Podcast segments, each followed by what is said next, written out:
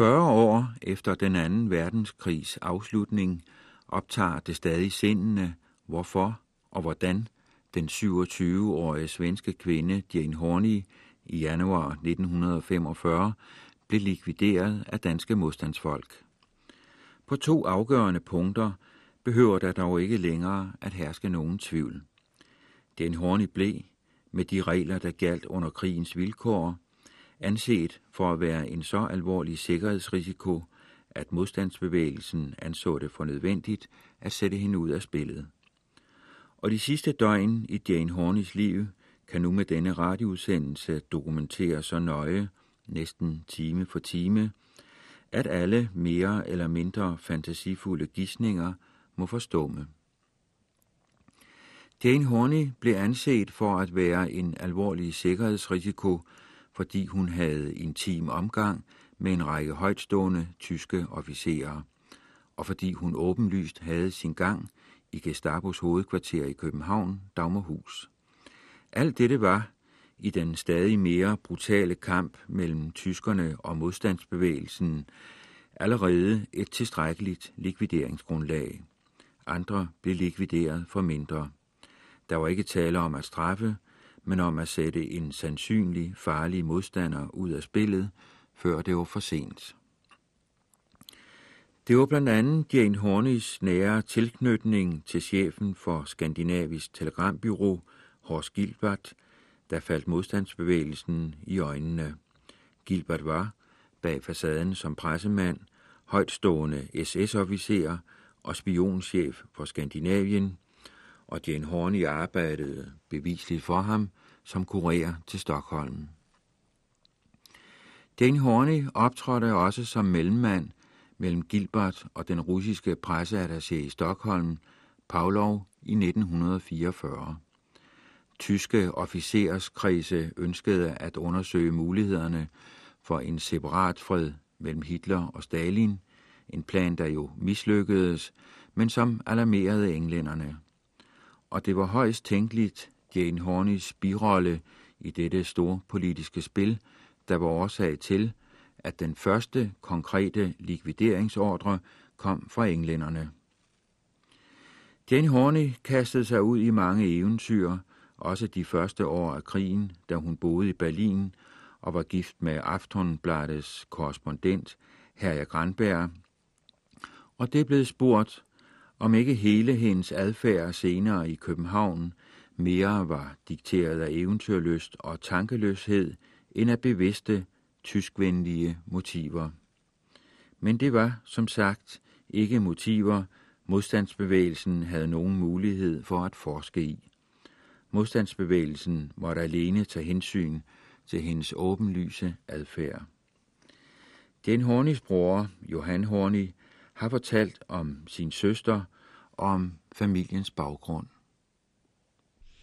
Min eh, far, han, han, var ju son till en, en domare. Va? Han var mycket laglydig, alltså eh, nästan laglydig till dumhet. Alltså det, överhuvudtaget att göra någonting som var fel, det var främmande för honom. Väldigt strikt och, och eh, respekt för myndigheter och eh, höga herrar alltså i samhället. Det var ju liksom normalt på den tiden. En eh, liten länsman, han var ju kung, alltså vad länsmannen sa det är alltså sån där enkel polis på landet i Sverige. Eh, alla som hade någon titel alltså, som myndighet, det var ju så att säga, mäktiga män. Men eh, Jen lät sig aldrig imponeras av det där utan hon, hon var ju av en annan sort. Alltså. Hon hade väl lärt sig det att, att eh, alla människor är, är ungefär fortfarande människor även om de får ett högt ämbete. Hon behandlade alla lika. Hon var inte minsta rädd för Himmler. Eller hon skulle kunna gå till Hitler också.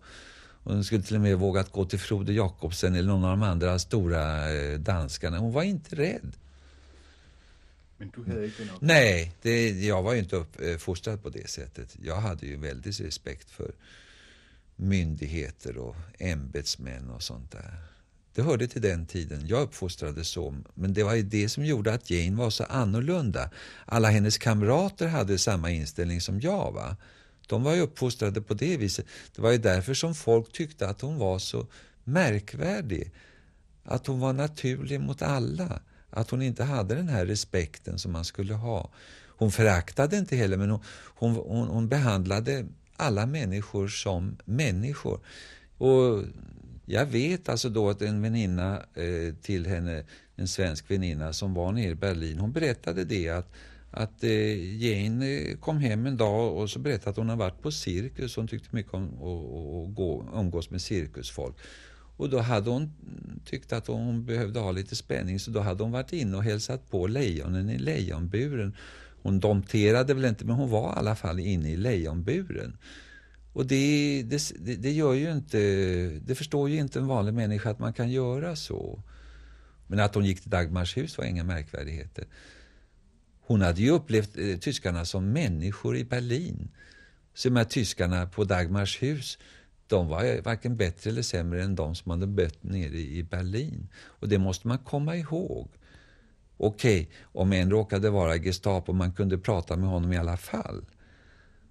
Okej, okay, det var eh, eh, Himmlers adjutant. Eh, jag har då, eh, rent samvete, jag har ingenting att vara rädd för. Och det var det som var faran med henne. Och det är alltid farligt med människor som tycker att de har rent samvete. Då kan jag göra vad jag vill. Men så det kan man inte.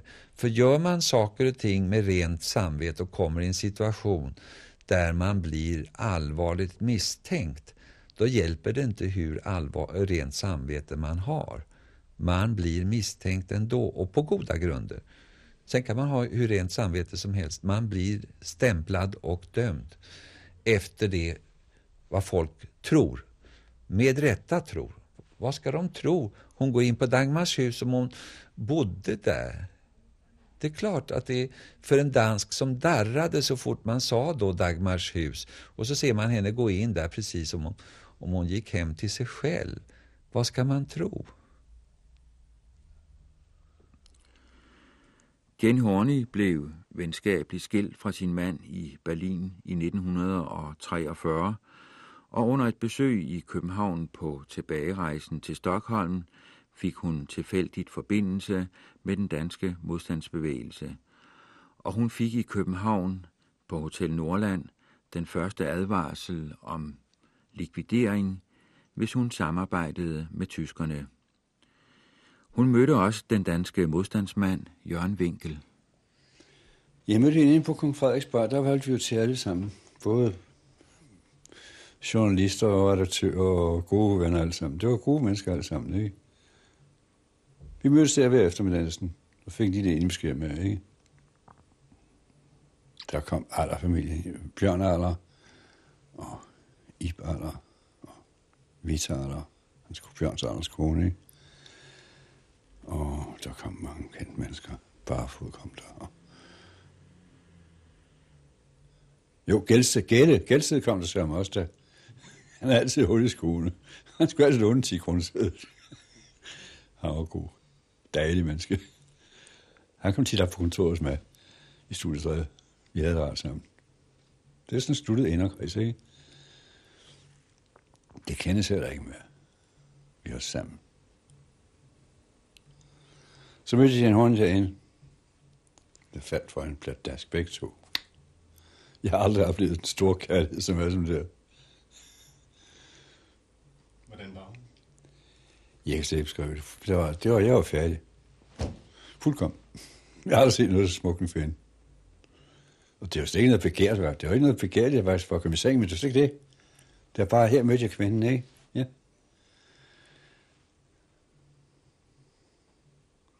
Og hvis hun var levende en dag, tror jeg altså, at jeg gift med hende den dag i dag. Nu er jeg alene, ikke? Nå. Så skulle jeg også selv over Sverige. Der blev jeg knaldet undervejs. Der kom en tysk hurtig på, ikke? Så jeg røg ind for Dagmarhus. Nogle sataner. Det, det var fandme modbydige. modbydige. Jeg røbede ikke nogen. Ikke et menneske. Undtagen dem, jeg vidste som sad sikkerhed i Sverige. Jeg sad, hvor lang tid sad i Vesterfængsel? Anden måned. Havde to måneder, tror jeg, når jeg sad derinde i Vesterfængsel. Og nedenunder mig, der lå en matematiklærer, han var skudt i maven, han lå og skreg om hjælp hele. Det var renselsesfuldt mange gange. Det var stygt. Og tyskerne, de var nogle infame sataner. Nu skal vi op til Rød, ikke? Vi kom op sådan... Jeg troede, vi skulle skydes. Det var det forberedt på, det gjorde ikke noget. Efterhånden bliver man helt apatisk. Nu bliver indspærret, ikke? Det forrige hold, der kom afsted, vi skudt mellem Ringsted og, mellem Ringsted og Roskilde. Stenen står der sgu endnu. 20 mand, værsgo. Skutterne flugtforsøg, bare nej. Jane Hornis og Jørgen Winkels første hektiske forbindelse varede i otte dage. Derefter rejste Jane Horney til Stockholm, og det var her, hun hørte om Winkels internering i Horserød. Hun rejste tilbage til København, opsøgte Gestapo-manden Axel Feldmann i Dagmarhus, tilbragte et par nætter sammen med ham på Hotel Nordland, og hun opnåede tilladelse til at besøge Winkel i Horserød lille juleaften 1944. En anden fængslet modstandsmand i Horserød var Erik Vestenholds Kær. Jeg kom i fængsel, og efter nogle ret barske forhør, så blev jeg i slutningen af januar sendt til Horserødlejren, hvor jeg møder en mand, der hedder Jørgen Winkel.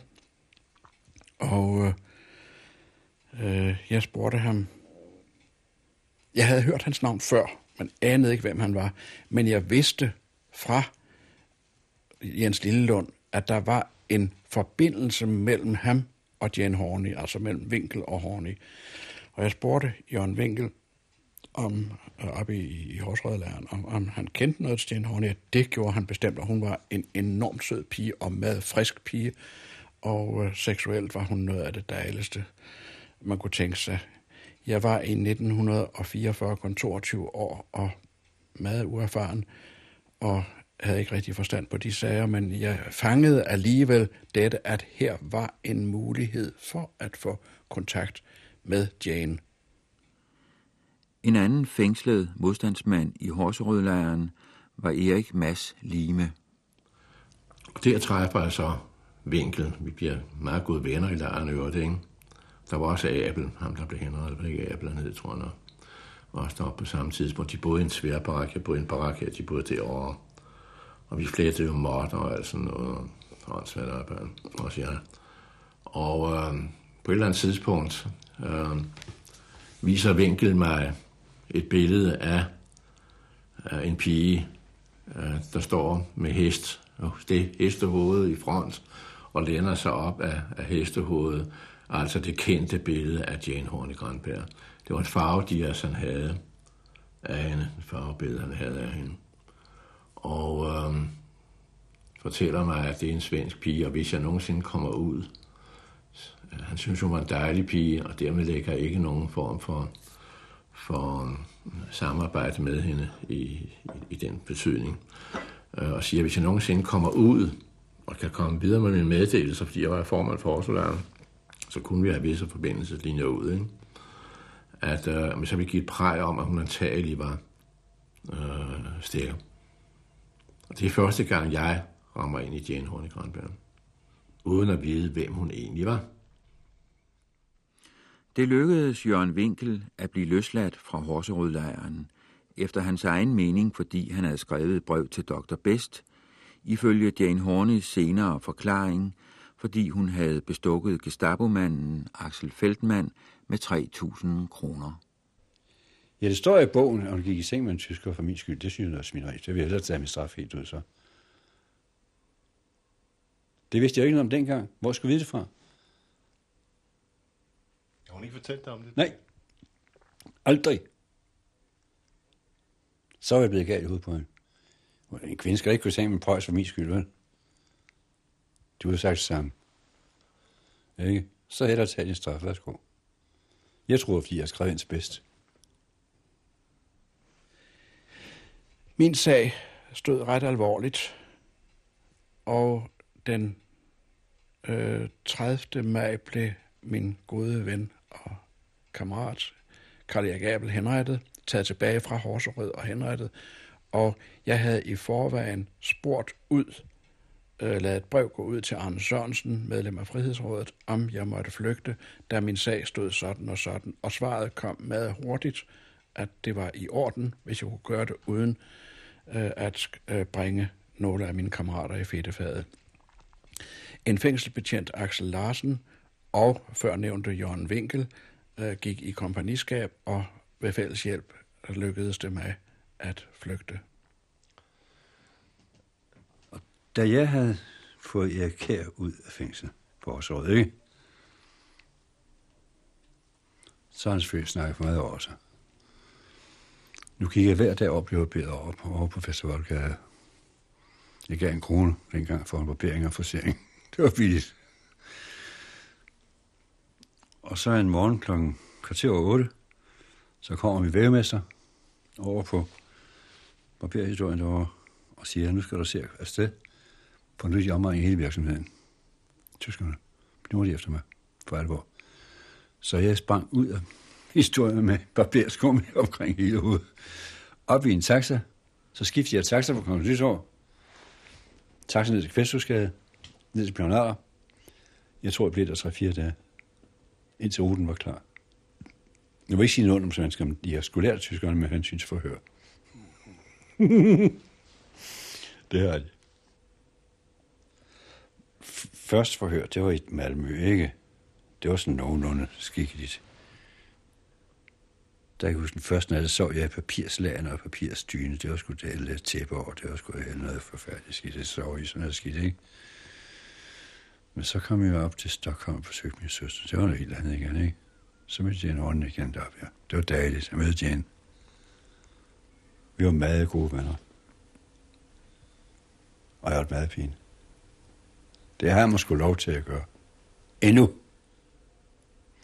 Og så er vi sammen op til hendes lille hytte oppe i bjergene deroppe. Det var sgu dejligt. Jeg havde købt sådan et net oppe i Stockholm, som man kunne fange nogle dejlige fjælder og blikker på. Og så havde hun nok, der havde sin, hun havde sådan en, en rifle der, sådan noget, en husmiljø, sådan, sådan ganske vildt duftgevær, ikke?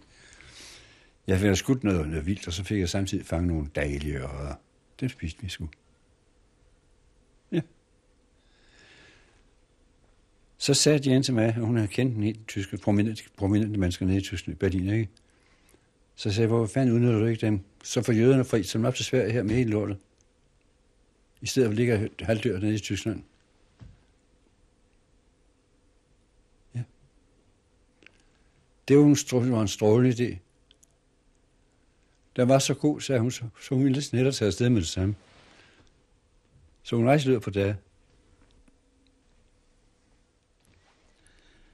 I Sverige gik jeg, da jeg havde været igennem den sædvanlige procedure og, og var blevet lavet sammen på Lunds Lazaret, øh, til kaptajn Skov og sagde, øh, er I interesseret i at få en kontakt til Jane Horney? Ja, det var det i allerhøjeste grad. Og jeg sagde, at det er i orden. Jørgen Winkel er jo ankommet illegalt til Sverige, ved jeg nu. Og øh, øh jeg skal nok få etableret den kontakt. Og øh, så snart han var kommet til Stockholm, så ringede han mig op, eller jeg ringede ham op, jeg kan ikke huske det mere. Men det korte og det lange var, at vi aftalte, at vi skulle mødes med Jane Horney. Og det skulle være til en frokost øh, på Stockholms største hotel. Jeg tror, det hedder Grand Hotel, men jeg er nu ikke sikker. Alright. Øh, med til den frokost var Jørgen Winkel, Jan Horny selvfølgelig. Min mor var med, blevet inviteret med, fordi øh, øh, hun øh, var ansat ved det, der officielt hed Klippekontoret, men øh, uofficielt var det altså den danske, hørte med til efterretningstjenesten. Og øh, vi sad, og vi øh, fik en frokost på, øh, ligesom Angleterre foran, man sad sådan ude på en terrasse, og jeg kunne se på afstand, at der stod mennesker udenfor med fotografiapparater og lurede. Senere fik jeg at vide, at der stod det danske efterretningstjeneste, øh, efterretningsvæsen, der stod det svenske efterretningsvæsen, der stod det tyske efterretningsvæsen og det engelske efterretningsvæsen. Og øh, vi kommer til at snakke om pas på en eller anden måde. Jo, nu kan jeg da også huske det, hun spurgte, om jeg havde opholdstilladelse i Stockholm. Man skulle have opholdstilladelse i Stockholm, Göteborg og Malmø som flygtning. Det var de tre byer, vi ikke måtte komme i, undtagen vi havde opholdstilladelse. Og øh, så svarede jeg Jane, jamen det har jeg da, og jeg tog mit pas frem og viste hende min opholdstilladelse øh, i Stockholm. Og så sagde hun, jamen jeg har også et pas, og der øh, står mange interessante navne i, og så rådede hun ned i sin taske og, og, og tog sit pas frem, og der stod altså en forfærdelig masse navne på tyskere, højtstående tyskere inden for Gestapo, og det tyske politi i øvrigt, og, øh, hun lagde ikke skjul på, at det var mænd, som hun havde haft et forhold til, altså seksuelt forhold til. Det var jo det, der for så vidt var, det, hun sagde det på så sød og smilende en måde, som man egentlig ikke fik ondt af det, på nogen som helst måde. Altså, det var vel det, der betog mænd, hendes ganske frie sprog. Og øh, der sagde hun, at det, det, det, det var der også en mulighed, at jeg kunne komme til at stå i det. Og hvordan hun sagde det, kan jeg ikke huske, men hun har sagt det på så dejlig en måde, så, så det har kildet ned ad ryggen på mig. Jeg følte mig jo smiret. Altså, jeg måtte jo erkende, som Jørgen Winkel øh, så tit sagde, at man kunne slet ikke stå for hende. Og øh, øh så sagde jeg, at jeg ville da gerne have hendes navn. Og så tog jeg mit cigarettetry fra. Jeg havde budt hende cigaretter flere gange, og så ridsede hun sit navn Jane, og nedenunder står der Jørgen, det var Jørgen Winkel. Han sagde, jeg vil også stå i det, og så ridsede, og det, Aske, det øh, uh, cigarettetry har jeg. Og øh, hendes stående omkvæd, og det kan jeg forstå, at det fortsatte også efter jeg var, havde forladt Sverige igen, var, jeg skal hjem til Danmark, jeg skal over til Danmark og bevise, at det, man siger om mig, ikke passede. Jeg har kun øh, gjort, hvad jeg øh, gør for at tjene danske interesser. Og den dag, jeg har mulighed for det, og det sagde øh, hun henvendt til min mor. Min mor var gift første gang med en jøde, og øh, min mors første svigermor sad i Theresienstadt, og der sagde hun henvendt til min mor, jeg vil vise, at jeg kan få jøder fri fra Theresienstadt. Og, og det vil min mor formentlig kunne bekræfte den dag i dag, hvis hun ellers kan huske. Men desværre havde vi jo ikke noget, der hed... Hvad hedder det, Margit? Båndoptag. Hvad? Er det båndoptag? Ja, vi havde ingen bånd. Vi, havde, vi kunne ikke tage, hvad hun sagde. Men det, hun sagde, vores øh, undskyldning for at snakke med hende, eller jeg ville snakke med hende, det var fordi, vi havde altså noget bekendte familie der i Theresens, altså hun havde bedyret, at hun kunne få, få den fri i Theresens dagen. Og så skulle vi jo snakke med hende om det. Men øh, hun snakkede jo, at, som om det var så sikkert, at, at hun havde magt til at få det, og ellers skulle hun nok gå til himler. Og det gjorde hun også. Hun var hos himler i den anledning. Og det ved jeg og, og fik jo afslag. Har de sådan en fornemmelse af, hvad tanker hun gjorde om sig selv? Ja, jeg har fornemmelsen af, at hun satte sig selv meget øh, i, i fokus, at hun virkelig betød noget. At hun kunne virkelig øh, gøre noget for, for at, at sammensmelte disse her nationer og ordne det. Det tror jeg virkelig, hun troede. Hun satte sig selv meget meget, at hun havde meget indflydelse på det. Altså, hun, når hun har haft den anden erotiske indflydelse, hun troede, hun havde kunnet, kunnet alverden altså, i, i forbindelse med det, for det. Men øh, hun har set sig selv som sådan noget historisk stort, tror jeg. Jeg tror, hun har lavet meget mere, end, end, end man endda. Jeg har jo hele tiden sagt, hun skulle have været likvideret før. Det er forfærdeligt at sige, men det, øh, jeg tror det. Og så gik snakken stille og roligt, og, og, og, og så rejste vi os bagefter, og så blev vi enige om, at vi ville, efter den voldsomme frokost, det var, så ville vi gå op til Stureplan, og, øh, eller til hvert fald til Kongsgatan. Og øh, det, det, det var øh, en forfærdelig morsom spacertur, fordi vi jo ikke kunne undgå, uden egentlig at bemærke det over for hinanden, at lægge mærke til, at vi havde en hale af efterretningsfolk efter os. Jeg kunne ikke lade være med at smile, men lød som ingenting. Okay. Hun synes Berlin. så havde vi nok Edith Bonnesen udsat, en, sat en overskrift i de frie danske, at den Austen var en meget farlig spion og angiver. Det satte man at man sviner, jeg skrev. Bevis det først. Ikke? Da hun fik det at vide nede for din, tog hun hjem med uforrettet sag. Hvor beviset for, at hun virkelig var spion, da hun var sgu ikke spion. Hun har aldrig fået en nikkel ørerne, og tyskerne ikke en cent. Hvorfor fanden havde hun så ikke fast hele sin pengepunkt fyldt med penge? Der er noget, der ikke rimer sammen der. Det passer ikke. De frie danske skal gennem disse linjer kraftigt advare mod en spion i tysk tjeneste. Jane Ebba Charlotte Horny Grandberg, født den 8. august 1918. Hendes signalement lyder Høj, slank, rødhåret, meget charmerende, erotoman. Hun er agent for en af tyskernes dygtigste spioner, major SS Standardenfyr Horst Edward Hubert Gilbert, født i Glebau 1889, her i landet kendt som chef for Skandinavisk Telegrambyrå Sortedamsdosering. Jane Horney regnes for spion af international format. Hun ankom til København den 9. juli 1944 og skal her søge kontakt med personer, der er slægtninge i koncentrationslejren Maria Theresienstadt. Man mener, hun er bemyndiget til at love dem frigivelse af slægtninge mod gentjenester. Desuden skal hun søge at opklare, hvorledes meddelelser kommer fra Horserødlejren til Sverige. Hun arbejder her i landet i kontakt med regeringsret Dr. Milner og kriminaloberstsekretær Feltmann i Dagmarhus.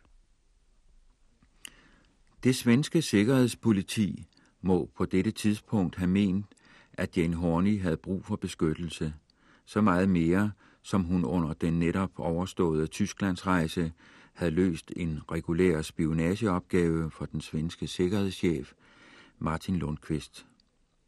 Men i den danske militære efterretningstjeneste i Stockholm fortsatte kaptajn Niels Bjarke Skov med at samle belastende materiale mod Jane Horney, og i juli 1944 blev den danske modstandsmand Bent Fagerskov Hvid, kaldet Flammen, sendt til Stockholm for at gennemføre en likvidering. Også andre modstandsfolk var orienteret om advarslen og fik kendskab til planerne. Øh, første gang, jeg hørte om Jan Horney, var øh, i forbindelse med generalstrækken hjemme i Danmark øh, der var der i Frie Danske en artikel, der advarede mod hende, og også et illegal information. Øh, næste gang jeg kom i kontakt, det var øh, på hjemturen til Sverige, hvor jeg i Malmø mødte øh, Flammen, øh, der fortalte om, at han øh, måtte opgive sit forhævne med at, og, at likvidere Jane Horney og, og viste den pistol, han havde fået fra englænderne. Øhm, han havde fået en meget avanceret, jeg mener, det var en borgning i millimeteren. og han fortalte om, at han altså englænderne og Skov havde fået ordre til øh, helt klart ikke at foretage sig noget i Sverige, fordi det ville medføre ubehagelige konsekvenser for alt dansk arbejde i Sverige. Og der havde Skov så fået hans pistol til opbevaring, indtil han skulle rejse hjem. Så han kom altså hjem til Danmark med uforrettet sag. Men øh, det var hans hensigt at, at likvidere hende efter den ordre, han havde fået. Øh, vi omtalte ikke nærmere, hvor han havde ordren fra. Øh, for det diskuterede vi ikke. Vi kom lige hjemmefra, og han kom op fra Stockholm. Men øh, øh, jeg har indtryk af, at det var altså ingen der stod bagved. Ligesom i sidste omgang. Senere mødtes jeg med Jane efter aftale, og der var Anne Sager i hvert fald med, og det var oppe på hendes stue på det hotel. Og der sad vi på hendes seng og snakkede sammen. Vi havde selvfølgelig givet skov besked om, at jeg skulle mødes med hende.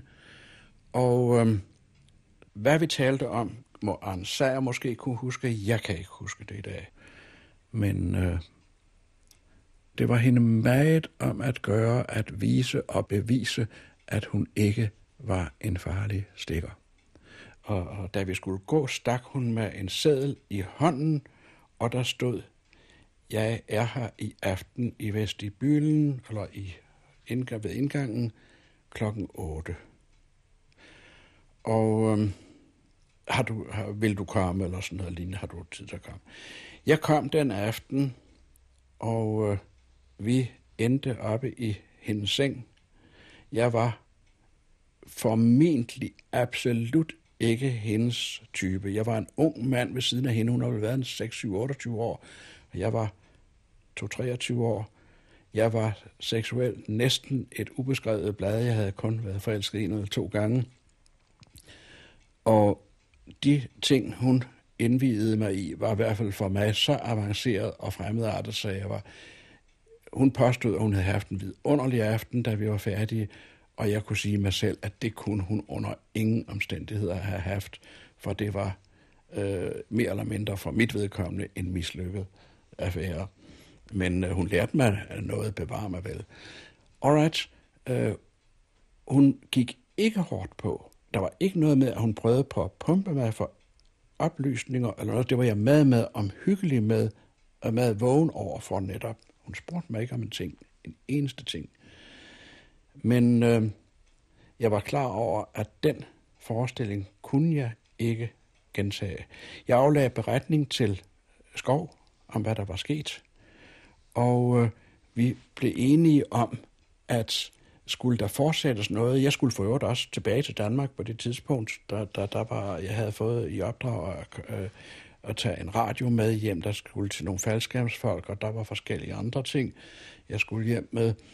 Og øh, vi blev så enige om, jeg boede på Søderen, og der boede jeg sammen med en mand, der hed Erling Andreasen, Bobby kaldet.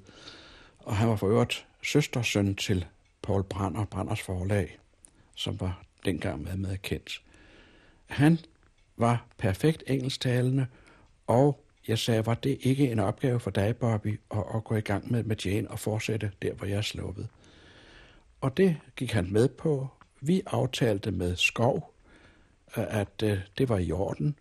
Øh, Arne Sager gik til den engelske ambassade, og øh, om det var Mr. Rays eller Ronald Turnbulls kontor, der blev ryddet, det kan jeg ikke huske, men et af kontorerne på den engelske ambassade blev i hvert fald ryddet, og Bobby Andreasen blev installeret på kontoret som engelsk efterretningstjenestesmand. Og øhm, så sagde jeg ved næste møde til Jane, at jeg havde for nu, nu skulle jeg altså rejse hjem til Danmark, og øh, jeg skulle rejse den og den dato. Det havde jeg fået besked på af Skov. Jeg skulle sige, hvad dato jeg rejste. Øhm, jeg skulle rejse den og den dato, og det var ikke den korrekte dato, vel at mærke. Øh, og øhm, øh, Øh, jeg havde en kammerat, en, en god ven for øvrigt, øh, det sagde jeg selvfølgelig henkastet, som var, var, var ansat hos englænderne, og, og, og han var på den engelske ambassade. Jeg kan ikke huske, hvad vi kaldte ham den dag i dag, men øh, uh, alright. Uh, hun var fyr og flamme for at træffe den mand. Og nu var Barbie Andreasen dels de år ældre, og dels, så vidt jeg i dag kan vurdere det, erotisk meget mere avanceret end jeg i hvert fald. Det hørte der nok heller ikke med til, men det var han. Og øhm, øh, der bliver Jane så kørt, eller hun kommer selv ud til det, jeg aftaler møde mellem Bobby og, og Jane på den engelske ambassade, og der kommer hun ud og bliver øh, virkelig imponeret af at blive, hun var klar over, at det måtte være en efterretningsmand. Kort og godt, der var ingen tvivl. Hun var på den engelske ambassade, og de fulgtes ad, og de aftalte, at de skulle, jeg tror det var til Saltsjöbaden, det var der også, der blev bestilt hotelværelser, og de skulle have nogle daglige dage sammen på Saltsjöbaden. Det var meningen, de skulle have været der 4-5 dage. Jeg tror, det var anden eller tredje dagen, der kom Barbie Andreasen kravlende hjem på knæ. Det havde jeg fået beskrevet og bad om noget, og sagde, jeg kan ikke klare hende, jeg kan ikke klare hende. Hun er for, for avanceret. Og, og det, hun havde afsløret ham meget, meget hurtigt, og det viste, hvor vågen hun var. Hun, øh, hvem eller hvor det var, hun afslørede det, det ved jeg ikke, men øh, jeg fik at vide senere, at det, hun havde meddelt med med hurtigt, at, at hun var klar over, hvad det var for et spil, vi spillede med hende. Og, og, og så bakkede hun ud af det, og det gjorde Erling Bobby altså også. Den dag, hun troede, at jeg skulle ankomme til Danmark, og jeg havde nogenlunde angivet stedet, hvor jeg skulle ansættes, nede i nærheden af Stævns. Var der tyskere dernede, viste sig senere, i fantastiske mængder. Og, og, og øh, det er ikke noget endeligt bevis, men vi tog det som et bevis på, at det altså var rapporteret, at nu kom jeg hjem til Danmark. At jeg slet ikke kom den dag, og slet ikke den rute, den sag for sag, men man havde formentlig håbet på, man må huske på, at jeg var meget stærkt efterlyst. Jeg var flygtet fra tyskerne, flygtet formentlig fra en dødsdom, og øh, øh, måtte have en vis interesse for tyskerne, om ikke andet, så rent sportsligt måtte de jo vise, at det ikke lød sig gøre, det, det som jeg nu var i færd med. Alright, øh, det var en sidebemærkning, der, men øh, for os dengang var det et tegn på, at hvad man sagde til Jane, af mærkelige kanaler hurtigt kom hjem. Arne Sejer tog efter opfordring fra den danske militære efterretningstjeneste i Stockholm kontakt med Jane Horney i juli 1944, og de holdt i løbet af sommeren en række møder. Det var Arne Sejers opgave at få nærmere oplysninger om Jane Horneys kontakter med Gestapo-folk, og for at vinde hendes tillid lod Anna Sejer indrykke en meddelelse i studenternes efterretningstjenestes blad om, at Jane Horney ikke, som meddelt i tidligere nummer, var tysk stikker. Men det var kun pro forma. Dementiet kom kun med i det lille svenske oplag og blev fjernet i hovedoplaget på ca. 60.000 eksemplarer, der blev sendt til Danmark. Udgangspunktet for samtalerne var Jane Horneys ønske om at rehabilitere sig over for den danske modstandsbevægelse og hendes muligheder for, ved henvendelse til fremtrædende Gestapo-folk, at få frigivet 4-5 hårdt belastede modstandsfolk, der sad fængslet i Danmark. Under et af deres sidste møder på en restaurant i Stockholm fortalte Jane Horney, at hun nu havde kontakten med Gestapo i orden, og at tyskerne som modydelse for hjælpen til den danske modstandsbevægelse ønskede, at Sejr skaffede oplysninger om folkestemningen i London og fotografier fra V1 og V2-bombernes nedslag i London. Arne Sejr fortalte senere i oktober 1944 under et forhør hos Seppo, at han på skrømt var gået ind på tyskernes forslag, som han dog selvfølgelig ikke havde til hensigt at tage alvorligt. Komedien blev ført videre, og Arne Sejer lod forstå, at han gerne ville møde Jane Hornys kontaktmand. Jane oplyste derefter, at hun på ny skulle møde Dr. Torner et par dage senere på Karlaplan.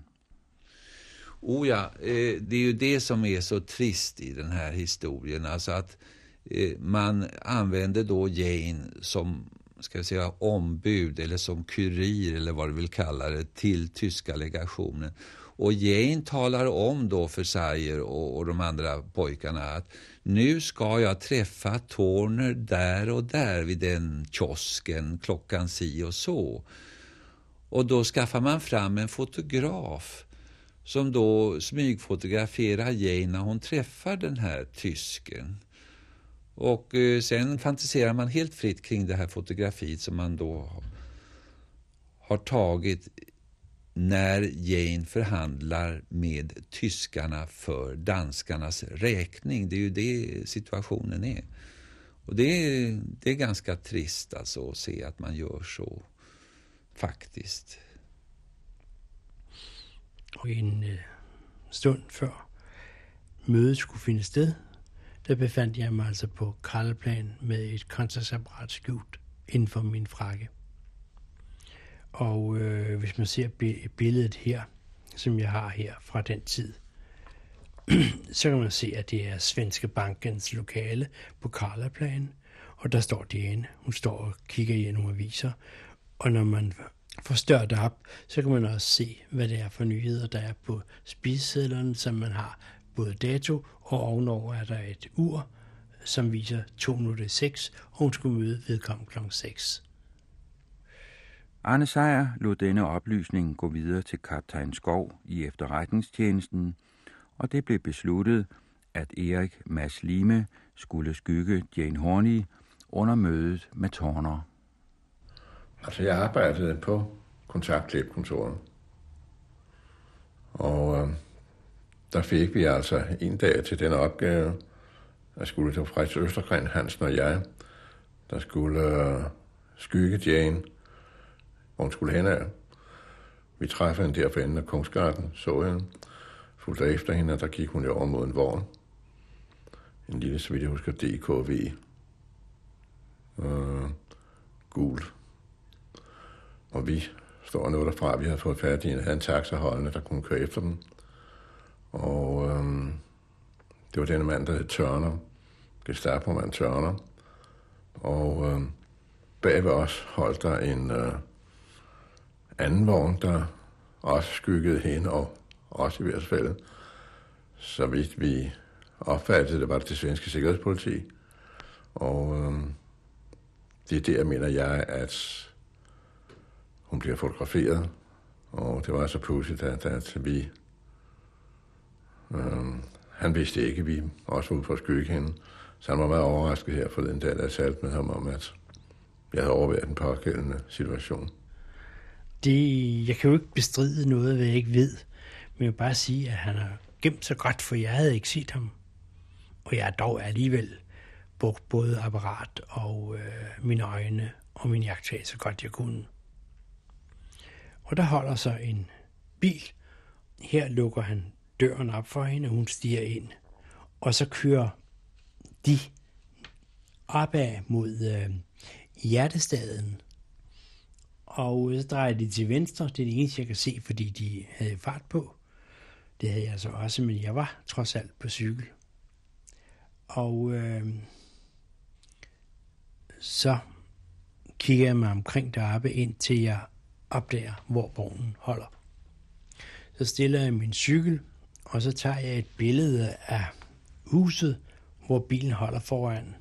Og så står jeg i en opgang et godt stykke derfra, og så ser jeg, at, at fjerde sal til venstre, der kommer den mand, hun var sammen med, og som vi i øvrigt fik identificeret som ikke bare en almindelig Gestapo-mand, men den Gestapo-chef, der havde som særlig opgave at drive danske ruter op.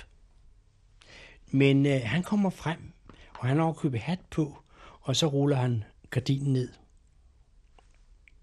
Og øh, så går jeg rundt om huset, og så går jeg ind i opgangen, og så tager jeg et fotografi af navnetavlen og konstaterer, som du ser det på næste billede her, der står Helberg. Og det viser en senere undersøgelse, at det er en tysk ambassade, der har den lejlighed.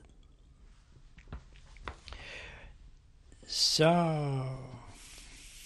ikke for at være dramatisk, men fordi det forekommer mest praktisk, øh, så placerer jeg mig i øh, noget buskads. I det, at brække nogle grene af, så jeg kunne bare få plads til at tage passende billeder, når det var, de nærmede sig bilen igen. Og det har jeg så her. Det næste billede, man kan se omgivet af grene, så kan man se igen, han står med bilen der, og hun ind i bilen. Og øh, hvis man bruger den almindelige danske fremmedordbog, så er der et ord, der hedder fraternisering.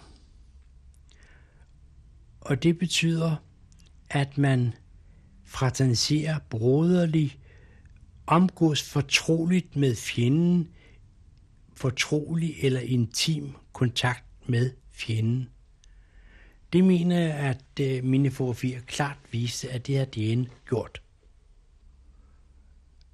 Det er muligt, det er bytteriksbilleder. Det er muligt, det er gået i seng med hinanden. Men det er jo sådan set næsten ligegyldigt. Det er en kendt det var en kendt ting i, i Sverige, at Jenne ligefrem opsøgte flygtninge og spurgte dem ud om ruter, og hvordan de var kommet over, hvordan det var gået dem, og prøvede at hjælpe dem, og var øh, sikkert sød og hjælpsom. Men det var hun muligvis også over for den person, der rullede gardinet ned på fjerde sal på Rindugatan. Jeg tror, det var nummer 21 i hjertestaden. Og øh, jeg har set et sted, at, øh, at øh, nogle måneder eller halvanden måned efter det her, tog Lillelund til England. Og der har jeg ladet mig fortælle, at der havde han de her billeder med. Og jeg personligt, jeg ved det ikke, men personligt er jeg overbevist om, at der blev hun endelig dødsdømt. Så kommer der et tidspunkt, hvor hun øh, og jorden ligesom brænder under hende, og hun øh, øh, søger job som øh, hun... ombord på, på den svenske Amerikabåd, ikke? Uh, hun søgte job uh, for, på den svenske Amerikabåd, og øh, hun følte sig jo lidt urolig i Stockholm på grund af sin indsats. Og øh, hun vidste jo, hvordan der blev talt om hende i kredse. Og øh, det blev så ordnet, og det var med alle myndigheders velsignelse, at hun øh, tog med den båd. Øh, sagen var, at øh, man havde lavet en aftale om, at øh, når man sejlede fra Jødeborg med den Horny, så skulle man gå ind øh, mod den engelske kyst, og der skulle der så komme en engelsk båd ud og hente hende i land, så skulle hun interneres og forhøres i England. Og, og det var alle enige om, øh, det var en, en fortrinlig løsning. Øh, desværre skete der i sidste øjeblik nogle øh, misforståelser nede i Jødeborg mellem danske og svenske myndigheder, som ikke kendte noget til den aftale. Udmærkede mennesker altså, men de misforstod det hele øh, og følte, at der var noget galt i det der, og så øh, gik det i vasken. Altså en forfærdelig fejltagelse. Øh, Werner Gyberg mente, at hun stak af, og der skete noget øh, drastisk, og det var en stor misforståelse det hele. Han var ikke underrettet om, hvad der foregik. Og han gik til øh, Göteborgs politi, og de fik dem stanset. Man mente simpelthen, at det var en fejltagelse, hun fik lov at rejse med. Man kendte ikke noget til planerne om, hun skulle væk på vejen. Øh, det var der igen, jeg i og for sig i anden omgang kom ind i billedet med hensyn til den hårne for, øh, da dengang kaptajn Skov og løjtnant Sisen, de rejste rundt, ikke? Der fik vi jo information om hendes farlighed, og øh, man diskuterede også, at englænderne havde ønsket hende likvideret. Hvornår? Øh, det, det har også været i starten, det har været i september. Og man, øh, nu er det meget svært med tidsforskelle øh, at etablere, for noget af det bliver jo efterrationalisering, fordi man senere hen øh, kom ind i advarslerne mod den hårne til flygtninge, der kom til Danmark, eller fra Danmark til Stockholm, at de endelig skulle passe på med den hårne, fordi hun faldt over nye flygtninge og udspurgte dem om, hvordan de var kommet fra øh, Danmark til Sverige, og da man jo havde fået øh, beretning om, at hun samarbejdede med Feltmand, hvis speciale var afsløre illegale ruter, så tog man det meget højt tidligt, hvad englænderne også gjorde. Så sker der det altså en, på det tidspunkt, mens vi bor på hjertet antagelig i slutningen af september 44, at øh, kaptajn Skov er op på kontoret, og øh, vi snakker om, at Jane Horny Grønberg er tysk meddeler, og vi havde været ude og, og skygge i de sager. Og øh, Skov meddeler også, at hun bortlikvideres, og vi, hvor vi så siger til ham, at øh, det mener vi ikke er særlig smart, særlig rigtigt at gøre det i Sverige efter det mor. Og hvis hun skulle, skulle skyde, skulle der også være i skærgården. Men øh, vi vil have et bevis, siger vi til Skov. For det, Østergaard Hansen, ja. For det er jo sine sager, at, at, at øh, øh, stå et menneske ihjel. Det kommer ikke sådan nogen videre. Det er heller ikke som det var krigstid, bestemt, ikke? Og øh, vi snakker videre med, med Skov om disse ting, og kommer altså til den konklusion, at vi vil godt have nogle dages betænkningstid, inden vi indlader os på noget sådan. Og øh, Skov kommer så senere og meddeler nogle dage senere, at sagen vil blive ordnet på anden måde antagelig, eller stillet i bero. Jeg kan sige, at kriteriet var jo da sådan, at for at blive likvideret, behøvede man ikke at have været stikker. Siger advokat Wilhelm Leifer der dengang var politifuldmægtig og flygtning i Sverige. Man kunne udmærket blive likvideret, hvis man havde handlet så letsindigt, at øh, man måtte betragte vedkommende som en fare for omgivelserne. Det var tilstrækkeligt. Altså, der er altså kriteriet for at likvidere hende, forudsat hun havde været en dansker, der havde været her i landet, var absolut til stede. Det er der ingen tvivl om.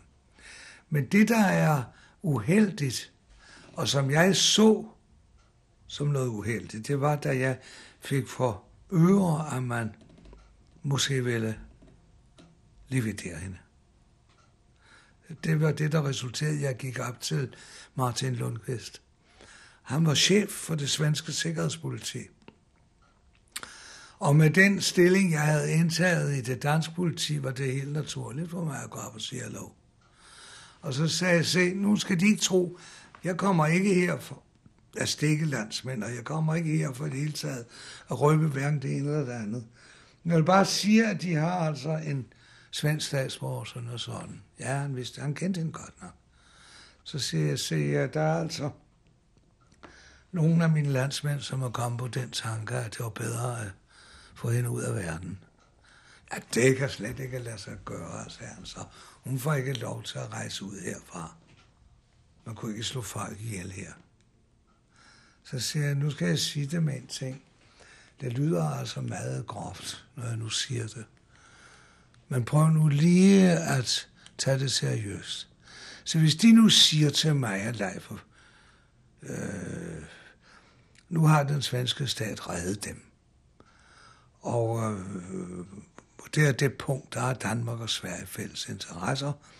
Og der går en mand her over på Bjerg Jarlsgatan, og ham vil vi gerne se likvidere. Så vil jeg ikke være begejstret for det. Bestemt ikke. Men hvis de siger, at det er det magtpålæggende, og det er en tjeneste, jeg kan gøre Sverige, og Sverige har dog været god mod mig, og så videre, så kan jeg i hvert fald sige dem, så er han død den næste dag, uden at nogen ved, hvordan. Bare de ved det. Han blev lige bleg. Det mener de da ikke. Jo, sagde det mener de da. Så enkelt er det. Der, hvis, hvis man vil slå hende ihjel, så dør hun af det. Det kan jeg godt sige den. Og det er det, jeg synes, at det måtte være en smuk opgave for dem at forhindre. Og mine motiver er ikke det, jeg mener, at det, der ligger så meget vægt på, om hun lever eller dør. Det er bare dette, at vi er 10.000 danskere herover, der har reddet os over sundet. Og vi æder og drikker på den svenske statsregning. Og sover i vores senge beskyttet af den svenske statsorganer. Det er ikke dannet at slå værtsfolkets starter ihjel, inden man går fra gildet. Man rejser sig ikke fra middagsbordet og slår værtsfolkets starter ihjel, inden man går. Det er ikke nogen passende optræden. Og derfor er det, jeg kommer og siger til dem, for de kan godt forhindre det. Jamen, hvordan, sagde han så. Så siger jeg, det kan de da. Hør nu her. Martin Lundqvist. Hvis jeg anholder en mand i Danmark, så skal jeg stille ham for en dommer inden 24 timer. Og det er et hårdt over på sig. Hvis de sigter Jane Horn i Granberg for ulovlig underrettelsesvirksomhed, så har de lov at holde hende ind til fire uger, uden at hun skal få en dommer. Så kan de der anholde hende og undersøge hende på kryds og tværs og vende særken på hende. Og hvis det så viser sig, at hun har ikke begået noget, som er vigtigt nok til, at de kan bringe hende for en svensk domstol, så kan de løslade hende igen og blæse i luren og sige, at der var ikke noget. Og så kan det være, at der ikke sker noget. Og hvis hun omvendt, de finder noget, som de kan holde ind på og få en straffet på, så ved jeg udmærket godt, at her i Sverige, det er sådan 6-8 måneder, så er krigen forbi. Og så er der en køn pige mere på store plan. Og det er da ingen ulykke. Det er da ingen ulykke. Og så bliver hun vel roligere i fremtiden. Han trak vejret dybt klokken halv 11 aften og arresterede han hende. Samma aften. Och eh, sen tar man ju in henne då till polisen, svenska polisen i 14 dagar. Och då utgår man ifrån danska efterrättningstjänstens stora ska säga, undersökningsrapport och så styckar man upp den i 34 punkter. Alltså, hon är misstänkt för detta, hon är misstänkt för detta, detta påstår man att hon har gjort, bla bla bla. Och så tar ju då svenska polisen punkt för punkt för punkt och eh, förhör henne och de kommer ju till att eh, man kan inte hitta att hon är skyldig till någonting av detta. Åtminstone så har man inga bevis för det. Och, och så frågar de då eh, efter 14 dagar så, så får SKAV titta på det här och eh, då säger då Säpo-chefen Lundqvist att eh, eh, har ni mera eh, eh, material mot henne? Har ni mera anklagelser att komma? Är det något mer vi ska undersöka? Och då svarar Skav ganska ordagrant, nej, hon är ofarlig nu. Det vill säga att hon kan inte göra någon skada och så släpper man henne. Och det, det ska man komma ihåg att samtidigt med att man släppte henne i oktober så drog man in hennes pass. Och det ska man inte glömma bort för att i praktiken så innebar det att hon var internerad i hela Sverige. Hon kunde inte lämna Sverige eftersom hon inte hade något pass. Så på sätt och vis var det ju ett slags internering som svenska polisen gjorde. Och hon blev ju uppmanad av eh, Säpo att försöka skaffa sig ett ordnat arbete och eh, hon försökte då att få eh, ett arbete och hon fick det, det var på något kontor men det råkade vara några underligheter med det där kontoret. Hon rapporterade till Säpo att det var väldigt konstiga arbetsgivare så hon slutade där. Och lite senare fick hon eh, ett, ytterligare ett annat sånt där tillfälligt eh, ja, okvalificerat arbete. Och hon hade otur med det också.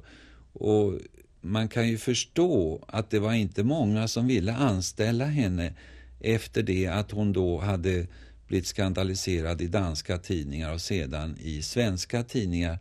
Alla visste ju att Jane Horney hon var anklagad som tysk spion.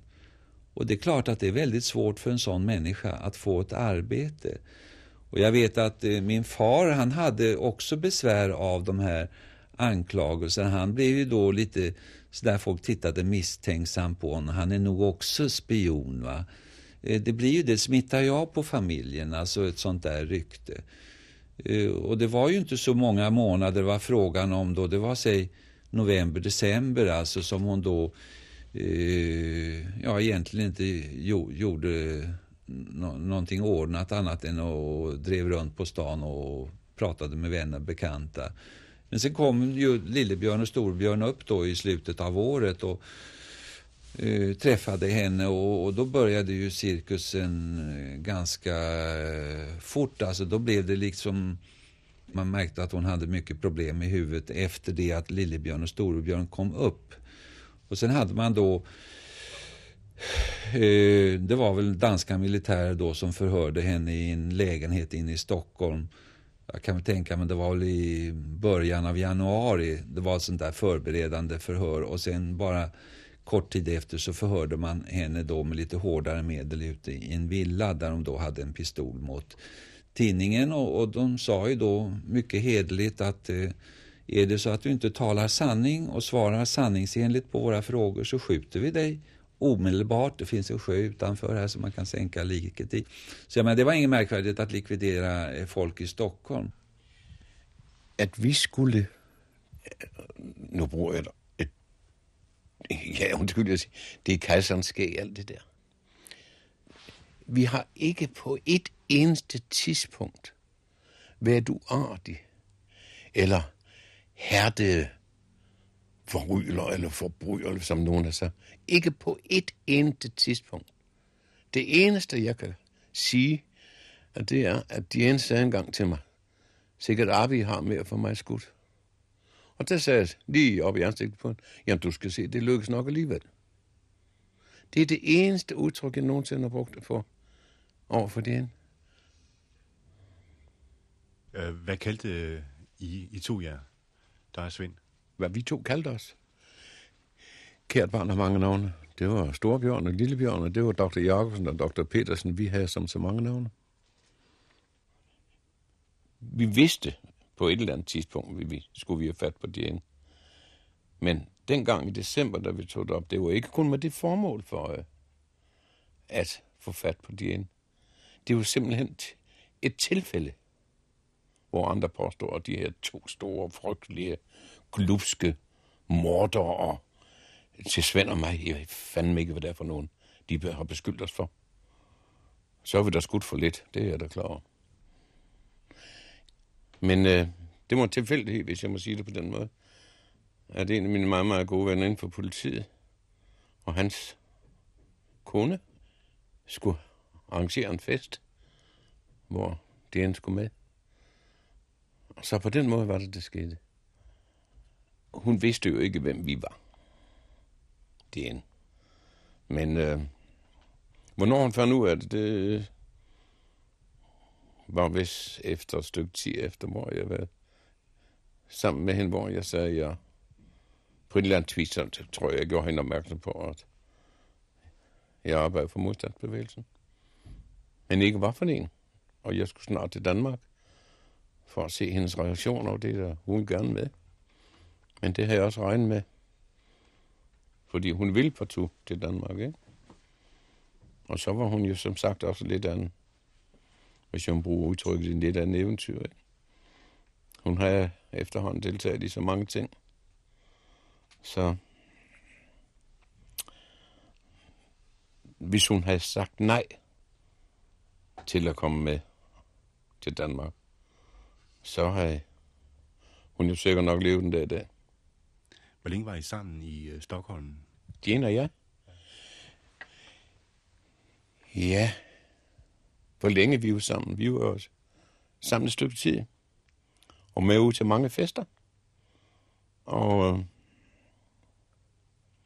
boede på Salchoberten med hende. Ikke vi. Vi skal lige passe på, det var ikke helt bataljonssoldater, der var i nakken på en vel?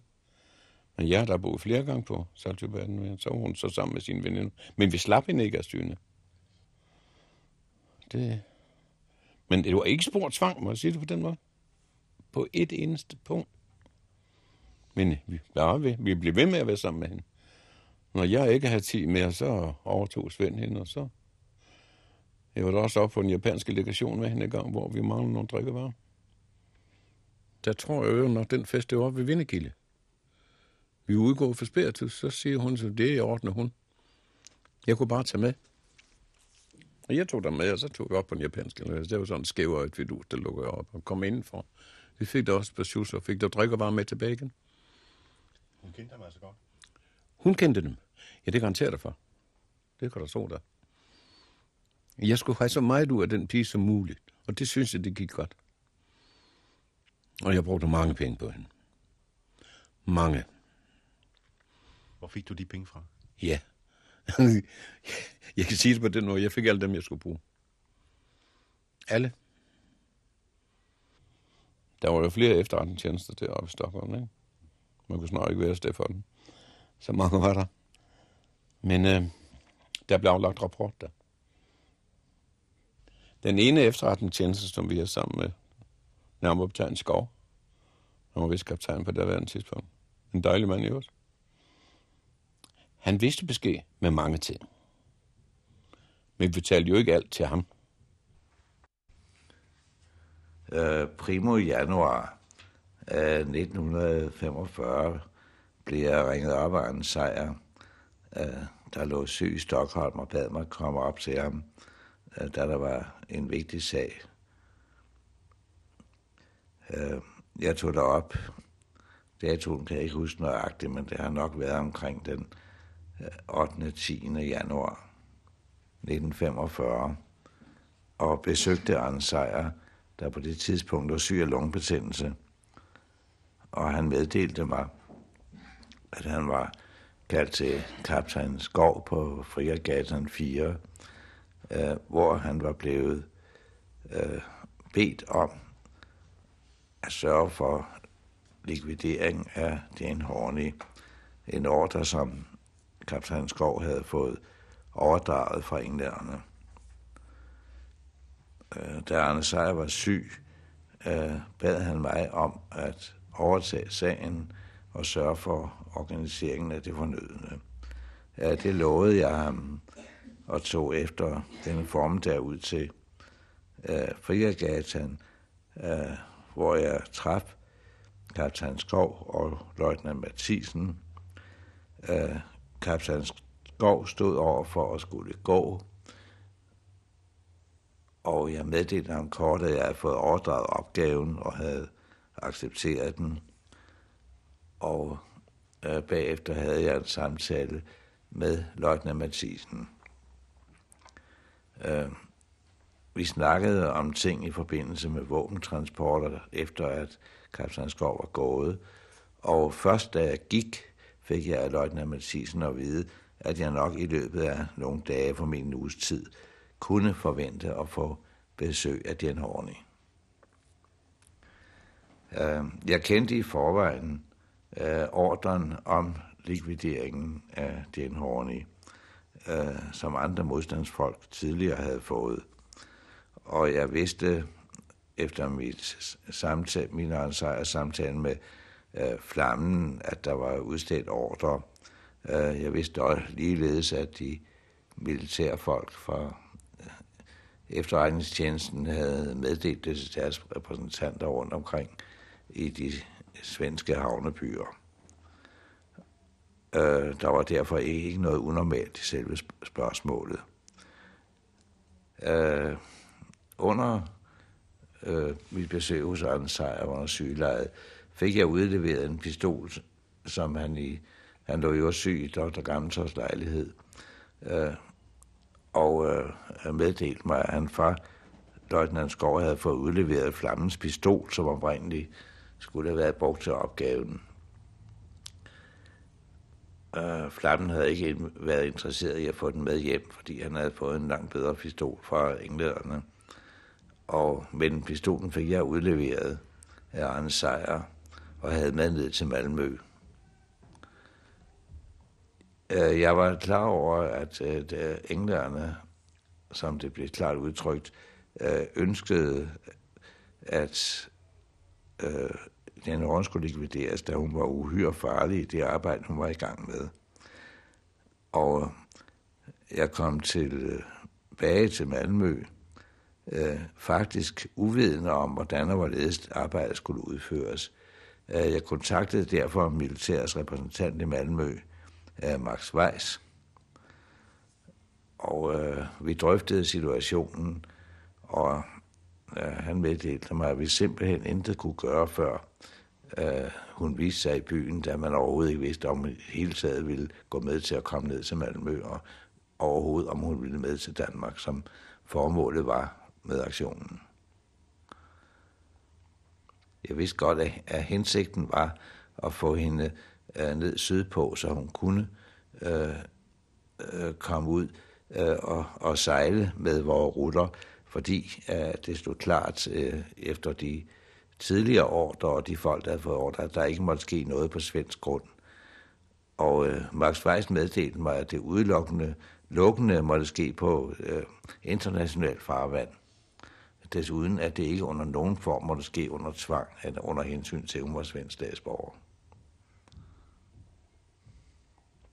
Vi havde ikke aftalt spor. Vi har sagt det på den måde, at vi skulle gøre forsøg på at få hende med til Danmark. Ikke? Der skulle spørges kontaktudvalg og forskellige ting. Ikke? Sagde jeg til hende, at jeg, jeg kunne ikke tage stilling til, om hun ville komme med til Danmark. Og det kunne Svend i og for sig heller ikke. Men vi kunne søge om det. Og så var den der, jeg sagde til, ved du, jeg har en glædelig meddelelse til dig, Jan. Du får lov til at tage med over. Og så må vi se, hvad du kan bruges til derovre. Om du eventuelt kommer til at arbejde for os derovre. Og det var hun jo helt fantastisk. Hun troede, bevisligt, hun troede, at hun skulle med til Danmark for at arbejde for modstandsbevægelsen. Og vi måtte ikke, en i ordre, vi måtte ikke gøre noget som helst, eller mere end til nogen som helst ting, med at det skulle være voldeligt, eller tvinge hende med til København. Over hele hovedet ikke. Vi skulle lægge det op på den måde, så hun selv, altså vi, vi skulle gøre nysgerrig, hvad vi lavede. Sådan hun selv, der var midt over, ikke? Øh, den, den øh, 17. januar øh, ringede løjtnant Mathisen øh, fra Frigergaten og meddelte Max Weiss, at Jan Horny øh, kom med natekspressen ned øh, og næsten morgen ville stille i Malmø. Øh, hverken Max Weiss eller jeg vidste, øh, at der var andre med, eller hvem der var med. Det oplevede vi først, da morgentoget kom ind der om morgenen. Og øh, vi var noget overrasket, da vi opdagede, at den Horne var ledsaget af Storbjørn og Lillebjørn sammen, Bodil Frederiksen. Og da vi tog fra Stockholm ned til Malmø i nattoget der, der var hun lystig og sjov, og vi havde det hyggeligt. Ja, og der var, du har spurgt mig om det en gang, hvor mange vi var i kopien. Der var kun Svend, Bodil, det og jeg. Vi har jo aftalt, at øh, hun ikke måtte være alene. Skulle jeg på toilettet, så skulle Svend være der omvendt, ikke? Hun var meget interesseret i Bodil som, hvad skal man sige, Jansens dame. Fordi øh, Bodil, eller Birte, var jo blevet gode veninder med din. En god veninde til Diane. De pjattede sammen, og de gik ud sammen, og vi fire gik ud mange gange, også når vi var i Stockholm, så det, det var rent lystigt det hele. Og da vi kom til Malmø, der var Max der, Max Weiss, der gjorde også dernede. Øh, ved syvtiden om morgenen øh, ankom de en Horne sammen med Storbjørn og Lillebjørn, øh, samt Bodil Frederiksen. Øh, jeg fik dem indlogeret på Grand Hotel, øh, der havde værelser ledige, og jeg ringede efter Max Weiss, øh, som i løbet af en times tid øh, kom ind på hotellet.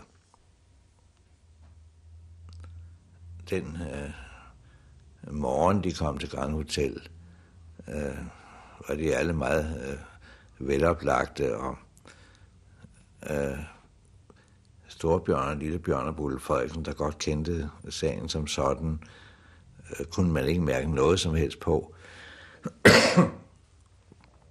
og Dan Horne virkede meget tillidsfuld over for den på det tidspunkt.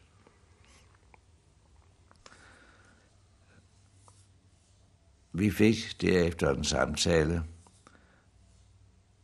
øh, hvor det fremgik, at den Horny, som var meget interesseret i Svend Geisler, øh, ønskede at, at tage mig Bodil og, og Lillebjørn øh, til Danmark, hvor hun øh, gerne ville arbejde for fredsbevægelsen. Øh, da Max Weiss kom til Grand Hotel, øh, fandt han, at der omgående må, måtte reageres, for øh, dels vidste man, at Jan Horne blev skygget af de svenske politi, og dels vidste man, at Storbjørn og Lillebjørn øh, også blev skygget, øh, da de kun var på kort tids ophold i Sverige. Så Max Weiss fandt, at de hurtigst muligt måtte kobles ud af billedet, for at sagen skulle kunne sløres på tilstrækkelig måde. Men øh, det gav ikke anledning til problemer, da Storbjørn og Lillebjørn var fuldt indforstået med det og forstod situationen. Efter Max Weiss ankomst øh, blev vi enige om, efter aftale med dem, at de skulle forholde sig meget stille på hotellet og ikke vække opmærksomhed på nogen måde, fordi en afrejse fra Sverige øh, var betænkt, når den ikke skete på officiel vis, men uden om de svenske myndigheder. Øh, derefter tog Max Weiss og jeg til Høgernes, øh, hvor jeg vidste, hvor bedste mulighed var for på en øh, stille måde og udenom svenske myndigheder at sejle til Danmark, eller halvvejs som under dette forhold. Øh, der rejser jeg, efter at have taget toget til øh, Helsingborg, øh, tog en taxa op til Høgernæs, traf vi skiberen på en fiskebåd, som et par gange havde sejlet direkte over til Gilleleje og afsat øh, kurere. Øh, Max Weiss forelægger jo Øh, øh, denne, denne kvindes, Jan Hornes, død. Og det er jo for så vidt ikke noget helt nyt for modstandsbevægelsen, for hun havde jo været fremme som en, man burde skaffe af vejen. Max Weiss sagde, at det var frivilligt. Hun ville med til Danmark for at rense sig. Hun kunne rense sig for modstandsbevægelsen over i Sverige. Hun behøvede ikke at tage til Danmark, men det var igen en af hendes fif for at få øh, indblik i denne nordlige rute i, i Kattegat. Hun ville til Danmark, og Max Weiss sagde, at hun kunne jo skifte sind. Måske kom hun slet ikke så langt som til Høgernes, og måske ville hun øh, ændre sin beslutning i, i sidste øjeblik, og så skulle der ikke foregå nogen som helst pres på vores side, så skulle vi lade hende, øh, lade hende gå igen. Så når alt var tænkt og sagt, ja, så var der ingen vej udenom. Det stod i, i min magt at arrangere det og ordne det. Og jeg så også klart, at jeg vil få meget bebrejdelse, og jeg vil kanskje komme til at høre meget for det, hvis jeg sagde nej. Øh, der, det blev kæmpet igennem, og, og jeg besluttede, at øh, det skulle gøres. Også fordi det var en ordre, og det kunne jo dog ryste af mig. Og jeg vil heller ikke sige, at øh, øh, Weiss lagde nogen som helst pres på dem, udover det han sagde, at du er den eneste, der kan klare det her. Så det blev besluttet, og jeg har ikke i mit sind haft mindste vakling om, at det skulle du ikke have gjort. Sværdom øh, har jeg hele tiden haft den overbevisning, at det er jo det eneste rigtige, selvom det er forfærdeligt. Det første, jeg hører til den historie, det er, da, da Max Weiss og studenten kommer til Høgernæs for at forelægge os det, hvad det er, der skal ske. Jo. Og få Janne Horne med, at hun skulle likvideres. Jo. Det var jo et stort skridt at tage. Jo. Og der blev snakket en hel del om det. Og, og så blev vi så enige om, at det kunne nok lade sig gøre. Var I betænkelige ved det? Nej, det var vi ikke. Det var vi ikke, for vi havde fået besked på, hvad, hvad der var gået forud for det der, og, og hvordan hendes forhold var, og hvem hun havde ytret sig med og sådan noget, så vi var ikke betænkelige ved det. Og ja. vi fik jo at vide, at der var afsat en dødsdom over hende jo. Ja. Engsmændene havde jo afsagt en dødsdom over hende, så hun skulle altså flytte sig af vejen, så vi, vi var faktisk ikke betænkelige ved det. Det var vi ikke. Det, og det, ja, hun er en svensk statsborger. Ja, hvad, der var krig dengang jo. Og hvis man bolder sig, som hun gjorde, så kan man ikke være fredet. Det kan jeg ikke se for så. Så gør hun, hun kører alligevel et, et løb for sig selv jo, uden at tage øh, hensyn til nogen andre jo. Og de har jo fulgt hende selvfølgelig, både i København og alle andre steder jo. Og det mærkelige, det var jo, at synes jeg i hvert fald, Øh, når man hed Diane Horny, og så man havde jo pas at kunne rejse mellem Københavns Frihavn og Malmø. Der kunne man jo rejse lige så tosset man vil. Hun havde viser mig igennem Dammerhus jo. Og de tyske, hun er i forbindelse med, bor i Stockholm og og i Dagmarhus. Hvorfor skulle hun rejse illegalt over Øresund? Det kunne jeg ikke se nogen grund for. Hun kunne da tage på en hver dag jo. Men øh, hun var jo registreret lige snart hun gik i land for færgen jo. Det er Københavns Frihavn jo. Så var hun jo registreret og det var jo det, hun ikke skulle. For hun skulle illegalt ind i Danmark jo. Og det var derfor, den vej blev brugt der, hun skulle sættes over jo. Og det kan jeg ikke se andet, altså. Der, der må være et eller andet mærkeligt i det der, hun skulle baglæns ind i Danmark, når man kunne tage færgen og bare sejle over på den anden side. Så ja, det har vel haft været sådan noget, at man skulle over og kigge lidt på forholdene derovre. Og se, hvordan og hvorledes det hele gik. Hun kendte jo en hel del sikkert bort til illegale ruter og alting der, når hun er været de steder, hvor hun er været jo. Og der vidste vi at hun kom en hel del på Hotel Nordland jo. Og det vidste vi jo nok, hvad der var der jo. Så udover det kendte vi jo ikke Anne Horne jo. Men I kendte hende øh, på forhånd måske? Nej, vi har aldrig set hende, aldrig hørt noget om hende eller noget som helst. Ikke andet, vi fik altså besked på, hvordan hun var læser. Og der skulle vi bare sige ja eller nej. Der var ingen tvang eller noget som helst. Hvordan øh, blev I kontaktet? det blev vi af, af studenten og Vejs, de kom til Høgernes og snakkede med Lysio. Men ikke med dig? Nej, ikke med mig, for det jeg var nede i båden jo.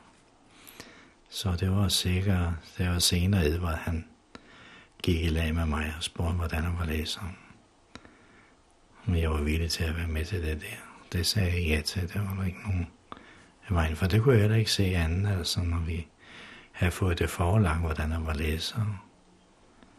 Kunne vi jo lige så godt ordne det der. Vi sejlede jo for den samme organisation hele tiden. Så vi gjorde jo klar til det der jo. Øh, der var ingen tvivl muligt, da øh, jeg netop havde bedt Max Weiss om at tage med som den erfarne mand, som var en kendt mand i Sverige, og, og særdeles agtet i alle modstandskredse.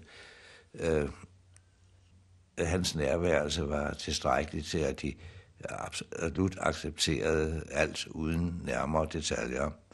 Og øh, formaliteterne blev aftalt ganske nøje, øh, hvorledes øh, likvideringen skulle foregå, og at øh, livet derefter skulle sænkes i vandet på en position, som var helt sikker uden for svensk område. Hvad vi aftalte, at vi skulle næste aften omkring midnatstid komme til Høgernæs Torv, og der skulle Edvard opholde sig, så med den taxa, vi kom med, når den var kørt, så skulle han give sig til kende og føre os ned til båden. Øh, da vi kom tilbage øh, til Valmø, efter at have taget tog fra Helsingborg, øh, og kom til Grand Hotel, øh, kontaktede vi øh, Jane Horney og af de tre modstandsfolk. Uh, vi meddelte dem, at uh, transporten uh, var med en lille fiskerbåd, der kun kunne tage tre passagerer, og da der var i forvejen var øh, en modstandsmand, der skulle med, uh, kunne der kun blive tale om Jan Horney og Bolle Frederiksen kom med båden, og Storbjørn og Lillebjørn måtte derefter øh, afvente et par dage, før de kunne komme over. Dette accepterede Jen Horney, øh, selvom hun øh, var ked af at skulle skilles fra Svend. Øh, vi aftalte derefter nærmere detaljer om, hvornår transporten skulle foregå næste aften fra Malmø. Og øh, yderligere blev det aftalt med fru Lille Kær, som var kurér og var i Malmø i den anledning, at rejse tilbage samme aften til Stockholm. Og hun indskrev sig på øh, statsbanerne i Sverige under navnet øh, Jane Horney? Jeg var over i et øjeblik, hvor jeg var over og give en besked, og øh, øh, så møder jeg hende jo på vejen, og der var hun i udmærket gudtjene, du her sagde så, og så grinede hun, hun var i udmærket humør. Der var ikke spor i vand. Men de havde vist haft en god frokost. Det skulle jo tilbage, og, og så får jeg bare besked på, om at bruge den billet der. Og det, det siger jeg jo, det, det gør jeg. spørger jo ikke, hvorfor. For det, øh, det var Janes billet. Og øh, hun kan jo bestemt at rejse en anden vej hjem, ikke sandt? Det fik jeg indtryk af i hvert fald. Og så, så siger jeg jo ja. Og så undrer det mig jo meget i toget, at jeg ser, der står en udenfor hele tiden, vandrer frem og tilbage udenfor, så de har jo altså vidst, at hun var. Tyskerne må jo have fulgt hende øh, for at se, hvad hun foretager sig. For det, de, de, de vidste, at, at hun skulle hjem der med det, det tog. Hvem var det, der stod udenfor? En tysker. Det, nej, det ved jeg ikke, en svensker. Men det var en, der ville, ville altså spionere, hvad, om, om det var Hedjen eller mig, der var ikke kupéen, det er åbenbart. Hvad, hvad resultatet vedkommende kom til, det ved jeg ikke. Det kan også være, at de ikke stod på hende til sidst. Jeg ved det ikke. Uh, Jane Horney øh, flyttede derefter ind på øh, Lille Vestnord Kærs værelse på Grand Hotel øh, for at sløre den omstændighed, at hun ikke var rejst tilbage til Stockholm. Og hendes eget værelse på Grand Hotel blev afbestilt samme aften i forbindelse med togets afgang til Stockholm. Vi havde et glimrende øh, samarbejde på det tidspunkt med det svenske politi, og øh, selve rutesamarbejdet foregik i øh, bedre og bedre forhold øh, netop på dette tidspunkt. Men øh, øh, der var stadigvæk folk i øh, det svenske øh, sikkerhedspoliti, øh, som var meget optaget af Jane Horney og andre ting. Øh, så vi konstaterede, at der var til stadighed mennesker, der skyggede den Horny og også både Storebjørn og Lillebjørn, øh, hvilket vi fik at vide fra anden side øh, og derfor skulle der stor forsigtighed til. Men øh, der, den øh, svenske politimand, som den pågældende aften var stationeret på øh, jernbanestationen i Malmø, eller centralstationen som det hed, øh, var overbevist om, at det var Jane Horney øh, øh, Granberg, der rejste tilbage. Og man konstaterede derefter, at det svenske politi ikke havde nogen personer til at skygge af Grand Hotel den påfølgende dag. Og hvordan var det nu? Var det Bodil, der overnattede i samme værelse som Jane? Og Svend og jeg på et andet? Det kan jeg ikke rigtig huske. Men jeg tror nok, det var sådan. Fordi det var vist Bodil, der kom ind og sagde til os, at Jane var ikke på værelse til, det er altså med forbehold i det, men jeg mener, det var sådan. Og der, da vi opdagede, at hun var væk, der tog hende i receptionen, ikke? Så var hun ved at skrive et brev. Og der stod jeg på vej til Danmark. Og det tog jeg så fra hende. Sagde, hvad er det, du laver der? Du... Jo, der havde hun lovet mig for den dag, hvor hun, jeg sagde til hende, nu vi får lov til at få dig med til at arbejde på modstandsbevægelsen derovre. Der må du love mig højt og heldigt, du ikke sætter dig forbindet med et eneste menneske om nogen som helst ting, og ikke gør forsøg på at stikke af fra sådan noget som helst. Og det lovede hun. Og så var der så, da hun ved at skrive det brev, det kan jeg huske nu. Jeg sagde, du har jo lovet os at lade være med at gøre nogen ting. Jamen, det var bare sådan en lille uskyldig brev. Og så ville jeg ikke begynde at diskutere med en, for eksempel kunne jeg også spørge den om, jamen, hvis jeg nu ikke vil komme, hvad du så skrev, hvem skulle have det brev, og så videre, og så videre, ikke? Og det forekommer, jeg hun sagde til mig, at det var vist hendes mor. Eller hvad, mener jeg. Og så blev det ikke, så fik jeg en med op på værelset igen. Men jeg må da tilstå, at jeg var... Ja, der var jeg skruet lidt op. Alt det arbejde, kan du se det, hvis vi får hende dernede, så hun var stukket af, ikke? Og der foregik ikke noget før øh, næste dag, den øh, 19. januar, hvor øh, Max Weiss kom ind på Grand Hotel om formiddagen.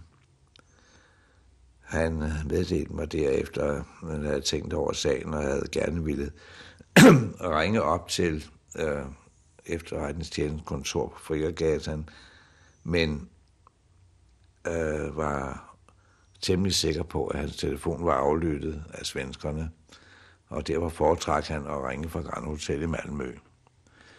Han ringede i min nærværelse til Frigergatan, hvor han talte med kaptajn Skov, og meddelte ham, at deres fælles veninde var i Malmø, og ville gerne have en endelig accept på, at man var indforstået med, at ekspeditionen skete her og nu. Øh, de nærmere ord kan jeg ikke øh, huske når, i dag, men øh, det sluttede med, at Max sagde, jamen så er det okay, så er vi fuldt indforstået. Og min opfattelse var meget klar af, at man fra kaptajn Skovs side var fuldt indforstået med situationen.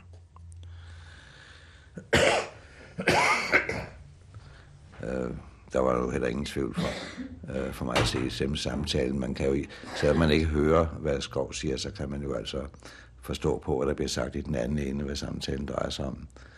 Så der var nu ikke nogen tvivl. Men øh, man har selvfølgelig ikke ønsket nogen konfrontation med svenskerne. Og det tror jeg i og for sig er baggrunden for, at man i og for sig mere eller mindre har dølget, hvad der øh, var militærets rolle i det. Og øh, Skov, som jo er en pænt neutral mand, har søgt at, øh, og ligesom lægge et slø over for ikke, at der skulle være noget misforhold til svenskerne. Øh, Max øh, bad øh, Svend Geisler og Lyne og Ulf Frederiksen om, øh, om, om de ville gå lidt, for han ville gerne tale med hende alene sammen med mig. Og øh, de fortalte hende så, øh, det var mens vi andre talte sammen, fortalte hende så, at de skulle ned og købe nogle cigaretter, de kom tilbage om et øjeblik, og de var væk i kvarters tid. Og Max Weiss øh, forholdt hende, øh, altså den risiko, hun løb, og hvor hun ville løbe så stor en risiko, og til hjem og arbejde. Og, og hendes baggrund for det var jo uhyre farlig for hende, og hun var jo øh, øh, kendt på en måde, som ikke var flatterende i danske modstandskredse. Og øh, der øh, udtrykte hun klart, at, øh, hun, hun sagde altså blandt andet et ord, som jeg husker helt klart, jeg har båret mig dumt ad. Og øh, jeg har ikke vidst, hvad jeg gjorde, og, og hun var ulykkelig over, at danskerne ikke syntes om hende. Men øh, øh, hun skulle jo også leve efter krigen, og ville jo gerne være venner med danskerne, og nu søgte hun at rehabilitere sig. Det var noget i den retning, altså ordvalget, at det er umuligt at huske. Men det var noget i den retning, hun udtrykte sig, som det der står hos mig. Hvordan øh, tænkte hun at gøre det? Øh, det var øh, tanken, at øh, hun skulle tage hjem og arbejde og øh, kontakte tyske øh, kredse og øh, prøve at opnå, at visse mennesker kunne blive fri eller opnå øh, og få oplysninger af den, som kunne hjælpe modstandsbevægelsen. Øh, det var et ganske løst øh, grundlag for øh, det, der var snakket om, var jo, men det, det var altså i de spor, det gik. Men noget nærmere eller specielt var der overhovedet ikke diskuteret. For det havde jo ingen praktisk interesse den forstand. Det var blot, at i og for sig Svend Geisler og Lyne havde i og for sig prøvet at give hende indtryk af, at det var meningen, hun skulle hjem, for ellers havde hun selvfølgelig aldrig rejst med. Hvordan øh, opførte de sig, de to der? Nå ja, de kunne jo, ligesom det er en hånd godt lide at, at leve godt. Øh, det var sådan set udpræget for dem, ikke? Det var også der, hvor de fandt sammen. Og, men øh, øh, vi havde sådan en, en, en lille problematik, der kom ind i billedet. Nu kom det jo øh, der den, den 18. og øh, de blev jo bedt om at leve stille og roligt for ikke at, at der skulle ske øh, noget med, at svenskerne fattede mistanket, selvom det var forkert var rejst, så ikke de opdagede noget dernede. Og de har jo altså fået den her idé af, at de ville ud og fejre deres sidste aften, for nu havde de jo levet ret kraftigt sammen i, i, i snart et par uger. Og øh, vi havde jo den indstilling, at det hele skulle foregå i den største delhed. Øh, for ikke at vække opmærksomhed hos svensk politi. Det var det eneste formål. Og, og derfor brød vi os selvfølgelig ikke så meget om, at, at, at man gik ud, eller, eller i og for sig levede et liv, ligesom op i Stockholm, de havde gjort deroppe. Øh, det var vi ikke interesseret i, men øh, det var sådan set svært at, at gøre noget ved det, så vi accepterede den der sidste middag, selvom vi ikke brød os om det. Det var jo lidt tåbeligt, at hun skulle øh, være rejst tilbage til Stockholm dagen før, og så sidde nede i Savoy Hotel. Øh, og ganske ulogisk, og Max Weiss tog sig til hovedet, og man kunne godt se, at der ikke var noget at gøre. Det var hende, der ville ud og... Ja, og holde en afskedsfest. Øh, når vi taler om sikkerhedsrisiko, så er der ikke noget med tyskerne selvfølgelig, men noget med svensk politi, ikke? for det var jo et kedeligt forhavn, og skulle have med en svensk statsborger at gøre i den forbindelse. Og øh, man vidste jo, at, øh, at svenskerne var meget på vagt. De færdige på hovedbanen og ved både og fly og alle steder og var interesserede. Og selvom vi, øh, også jeg og øh, særdeles gode venner med svensk politi, så hindrede det jo ikke, at vi er til blive arresteret og, og komme i forhør. Så måske ikke de sidste tre måneder, men indtil da i hvert fald havde vi, øh, øh, svensk politi havde jo deres ordre at følge, ikke? Og der er det jo helt klart, at folk, der kommer over på kort tid og opholder sig længe i en havneby, øh, der var svenskerne særligt på vagt.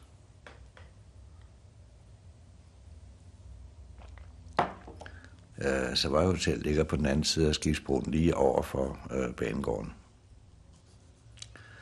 Og øh, på det tidspunkt, øh, da de skulle over til deres afslutningsmiddag, øh, så gik jeg med den Horny ud af personaleudgangen af sidegaden, hvor jeg så sagde farvel til hende, og hun spacerede øh, sig rundt om Stortorvet øh, over skibsbroen ned mod Savoy Hotel, hvor afslutningsmiddagen skulle finde sted.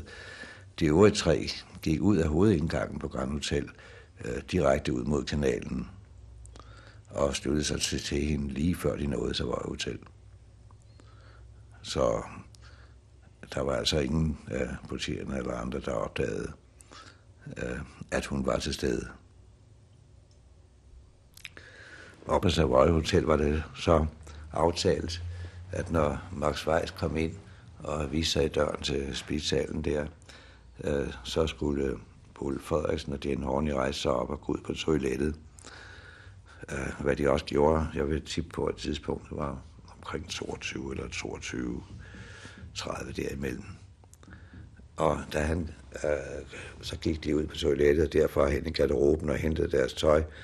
Og så gik de udenfor, for, og de har stået hvad Max Weiss og gjorde tegn til den, øh, hvilken taxa, den der holdt til højre, som de skulle tage. Og den tog de øh, kørte over skibsbroen, øh, hvor jeg så blev, øh, hvor de øh, fik besked på at holde på aftalt på forhånd. og der kom jeg så med op, og så tog vi så første etape øh, lidt ind i landet øh, med henblik på øh, svenskerne, øh, som var særlig opmærksom på kystområderne, og tog til Tegmertorp, øh, hvor vi så sagde farvel til taxaen og havde besvær med at få en ny, fordi der til synligheden var kun en, der kørte om natten deroppe.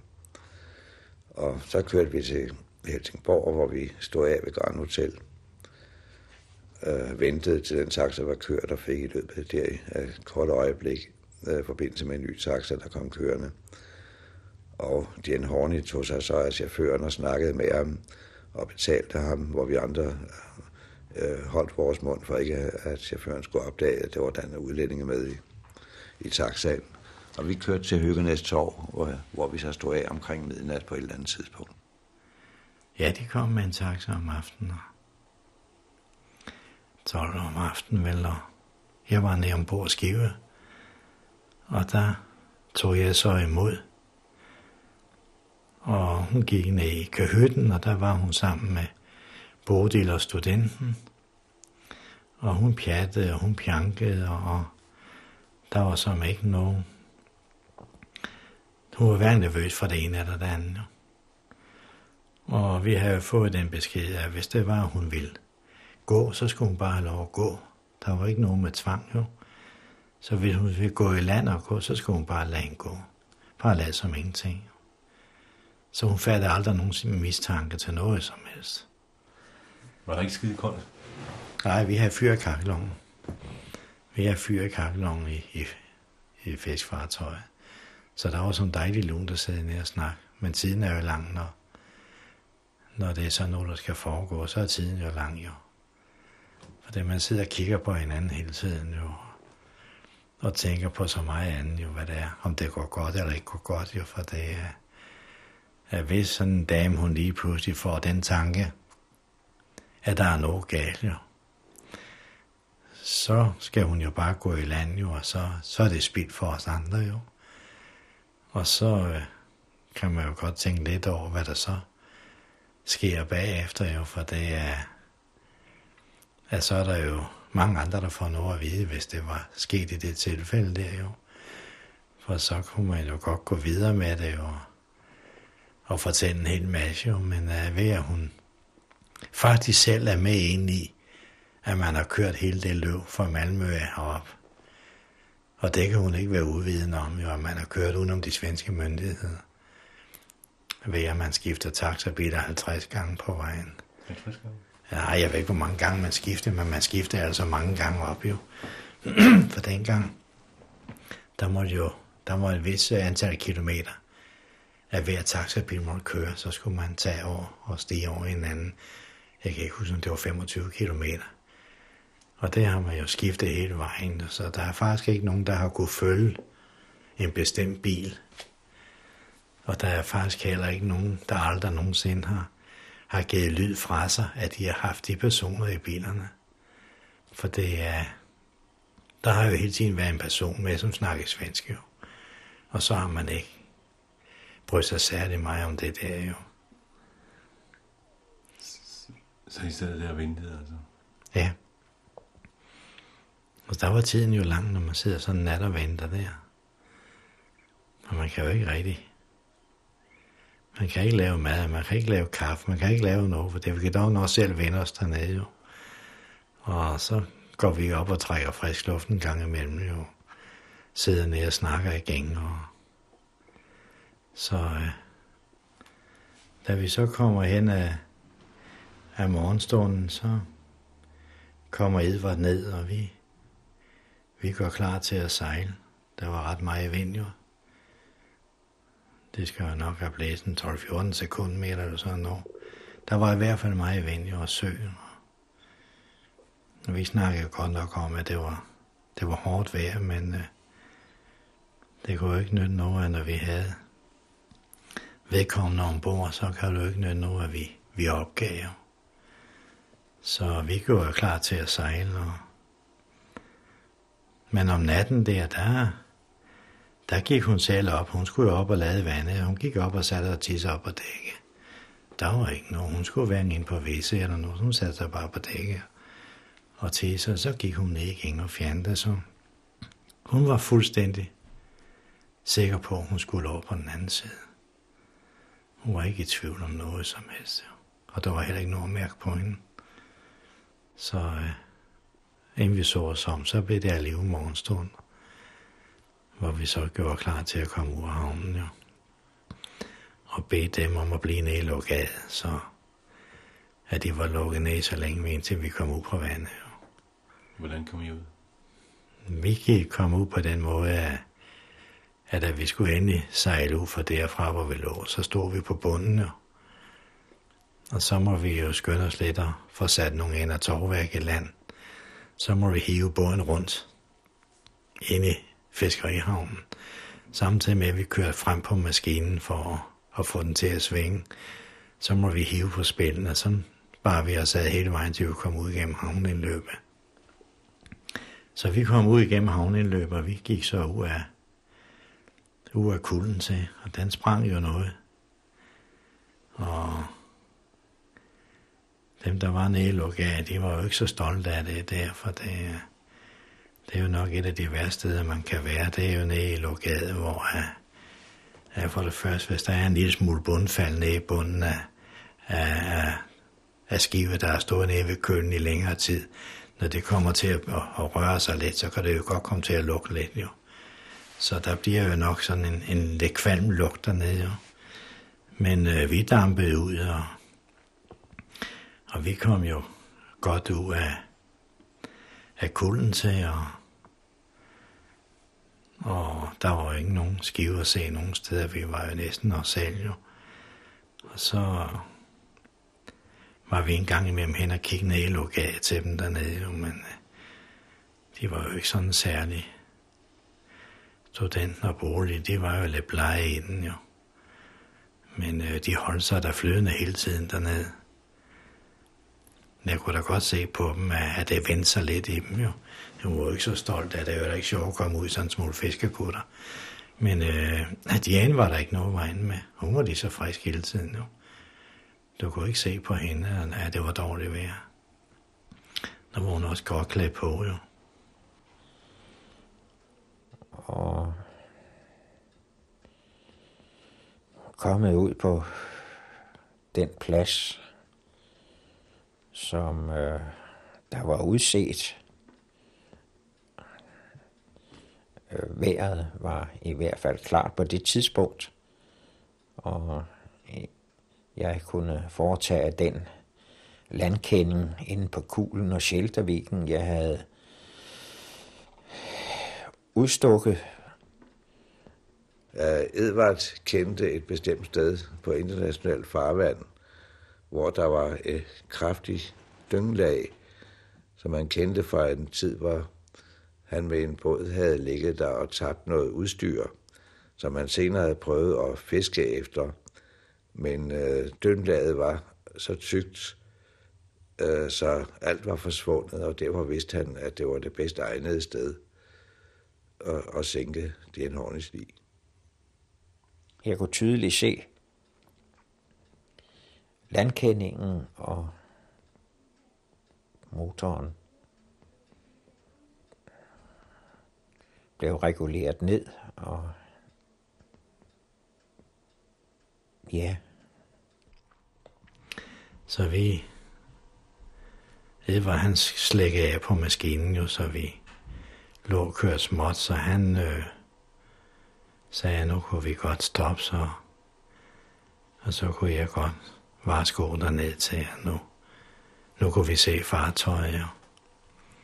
Så han holdt den op i vinden, og jeg gik så hen og lukkede kappen op og, og kaldte ned på Diane og sagde, nu kunne vi se fartøjet. Så hun kom op, og hun var jo klædt på til det, så hun kom op og, og holdt lidt fast. Den slinger jo noget jo, men uh, hun kom ud til slingerbommen, og så holdt han så lidt fast, og så viste jeg hende derude, og der kom båden ud. Og så i det samme, så var studenten, han var bagefter jo. Og så i det samme, som jeg pegede ud over, der løftede studenten revolveren, så skød han ind i nakken. Og så blev hun så skudt, og så faldt hun omkuld på dækket. Og så gjorde vi jo det, at vi, vi gav hende nogle kæder og noget omkring ben og det hele, og sårede hende sådan, og så smed vi en uge siden.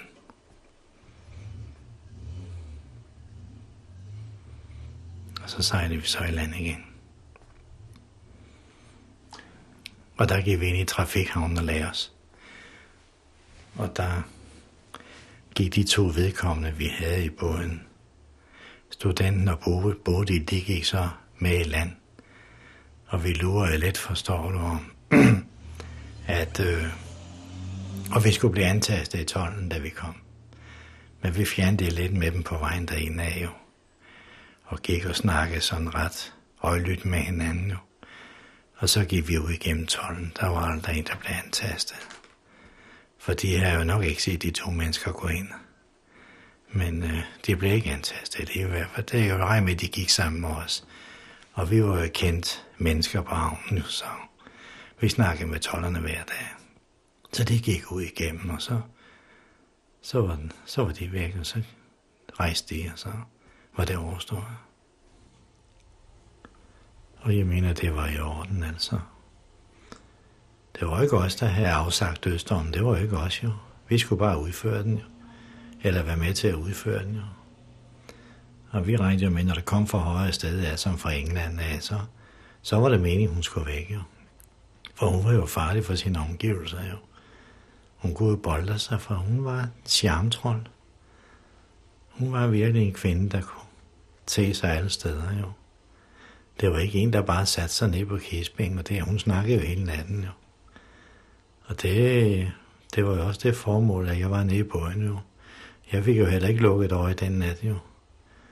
Men i hvert fald, hun var der klædt på til at, og skulle være, hvor der er koldt, jo. Så hun, hun tog det med sindsro, der var ikke noget. Hvordan var du til mode der? Ja, jeg vil da indrømme, at jeg var ikke særlig godt til mode. Når jeg, uh, dels havde jeg aldrig uh, nogensinde før fået ordre af den art, og det var da meget ubehageligt øh, at være sammen med hende øh, lige for, for, færd der, når man vidste, hvad der skulle foregå. Så jeg vil da indrømme, at jeg havde det ikke særlig godt, og øh, samtidig på grund af det der vuggeri, det gjorde ikke, at jeg fik det bedre. Men øh, det, det øh, øh, var da meget belastende, øh, og det var da også svært at gennemføre, men jeg opfattede sig noget, der skulle gøres. Så, det var sådan set en, en viljesag, at det måtte gennemføres. Men rart var det bestemt ikke. Det er jo et stort pres sådan at, at sidde flere timer sammen med et menneske som man har ordre til skal likvideres. Man kunne nok ane nervøsitet hos hende, og øh, både jeg og Bodil Frederiksen snakkede bagefter om, at, at vi begge to øh, følte, at hun inderst inden følte, at, at det her, det var måske det sidste. Øh, det mærkede man ligesom, at hun ikke sagde noget på hende. Hvordan mærkede øh, øh, selve hendes øh, væsen blev ligesom øh, lidt afslappende og, og opgivende, hvad der er ganske unaturligt for hende. Men uden at sige noget. Øh, ikke mens vi lå der og slås med det lavvand i, i havnen, hvor hun var et par gange.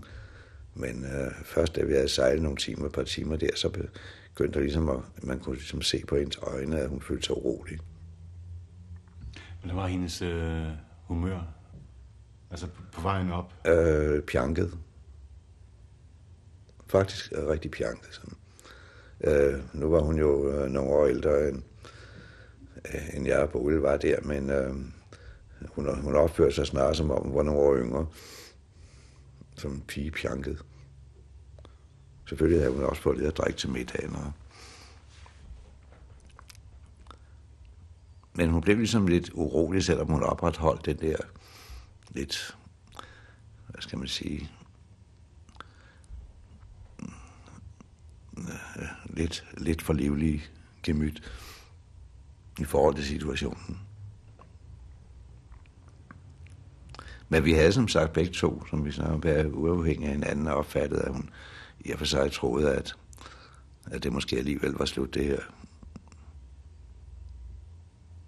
Opdagede hun det før? Nej, øh, hun opdagede det ikke.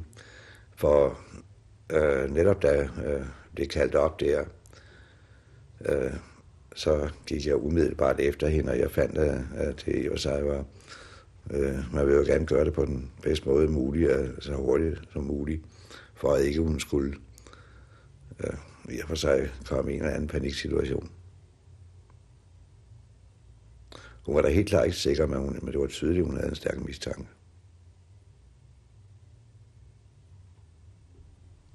Det, det er en drøj ting. Det er en drøj ting for et hvert menneske.